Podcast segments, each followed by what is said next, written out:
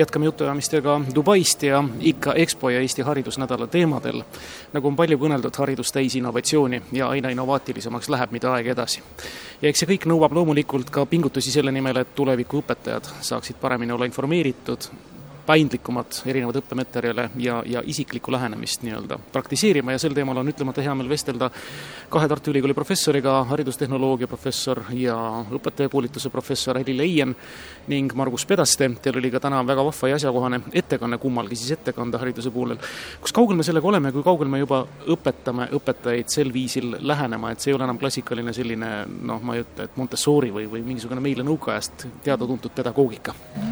no väga suured reformid Tartu Ülikoolis toimusid kaks tuhat kolmteist, nii et me oleme nüüd ähm, sellest ajast alates äh, juba siis äh, seitse aastat tegelikult äh, noh, väga suured reformid olid siis, seitse aastat oleme neid rakendanud ja ja, ja see, need uuendused, mida me sisse viisime, need on olnud teaduspõhised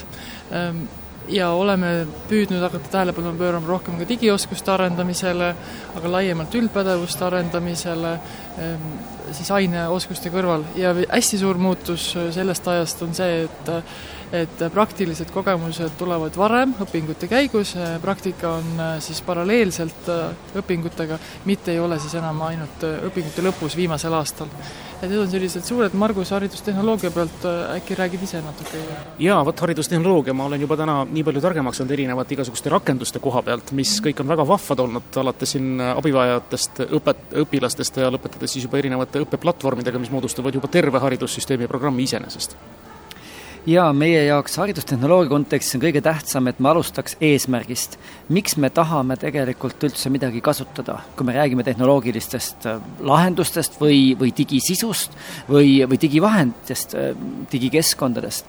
Et, ähm, et kõige tähtsam on see, et, et me mõtleksime, mis on meie pikaajalised eesmärgid, kuhu me tahame jõuda. Ja Äli mainis juba näiteks üldoskusi, mis on tänapäeval palju olulisemad kui konkreetsed minu pärast kas tehnilised oskused või ka teadmised. sest me ei tea täna seda, mida viie aasta pärast isegi ilmselt vaja on õpilastel. ja nüüd, kui me praegu õpilasi õpetame või isegi ka ülikoolis, me peame rohkem tähelepanu pöörama sellele, et, et õpitakse aru saama olulistest probleemidest ja leidma nendele lahendusi üheskoos. nii et kui me räägime haridustehnoloogia lahendustest, siis, siis kõige tähtsam praegu on see, et õppida õppima, kasutades haridustehnoloogilisi lahendusi. ja, ja see ei ole lihtne asi, sest see kõigepealt eeldab ähm, sellist nii-öelda hoiakute kujundamist, et me üldse tahaksime õppida kuidagi uuel viisil ja sellises keskkonnas, kus võib-olla eh, nagu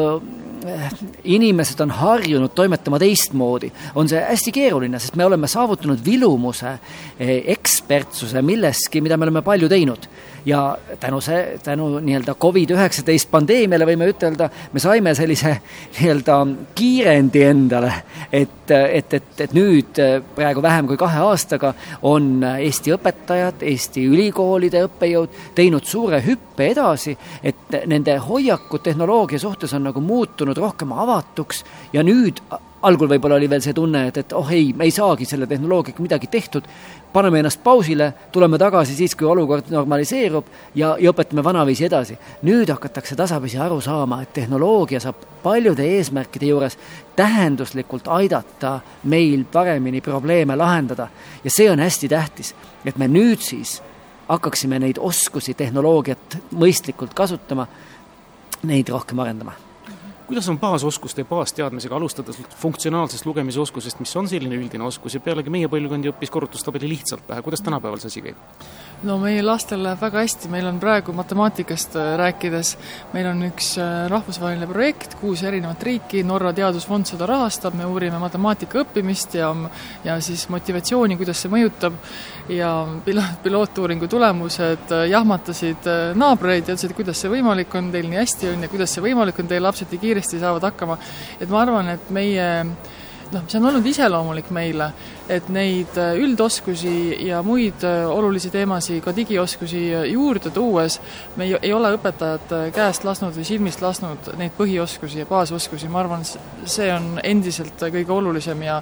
ja nend-, ja erinevate riikide võrdluses rahvusvahelistes uuringutes me võime olla väga uhked oma haridussektori üle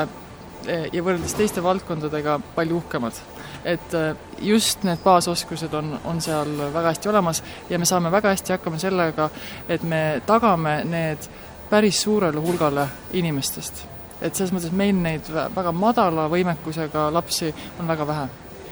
kuidas on, kas need baasoskused on ka näiteks haridustehnoloogias sellistena nii-öelda omandatavad noh, nii-öelda baaspõhjana ja, ja tulemusena, nagu seda on Archimedese seadused? Me oleme arendanud äh, Tartu Ülikooli kolleegidega välja digioskuste hindamise testi, äh, mis on siis mõeldud just õppimise kontekstis digioskuste hindamiseks ja selles me eristame Eh, kümmet erinevat aladimensiooni, millest siis noh, üldisemal tasemel võib rääkida kolm suuremat dimensioonide gruppi, üks on digihoiakud, teine on digioskused ja kolmas on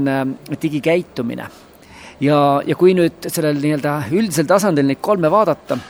siis digioskustega on meil tegelikult päris hästi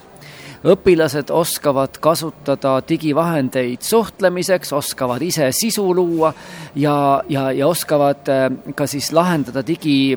abil probleeme. see on asi, mida võiksid õpetajad ja ka lapsevanemad palju rohkem rakendada õppimise käigus. aga nüüd, kui neid kahte teist valdkonda vaadata, siis äh, digikäitumise juures äh, on meil eristatud nagu kaks sellist aladimensiooni. üks on siis äh, Äh, selline äh, nii-öelda tark käitumine või selline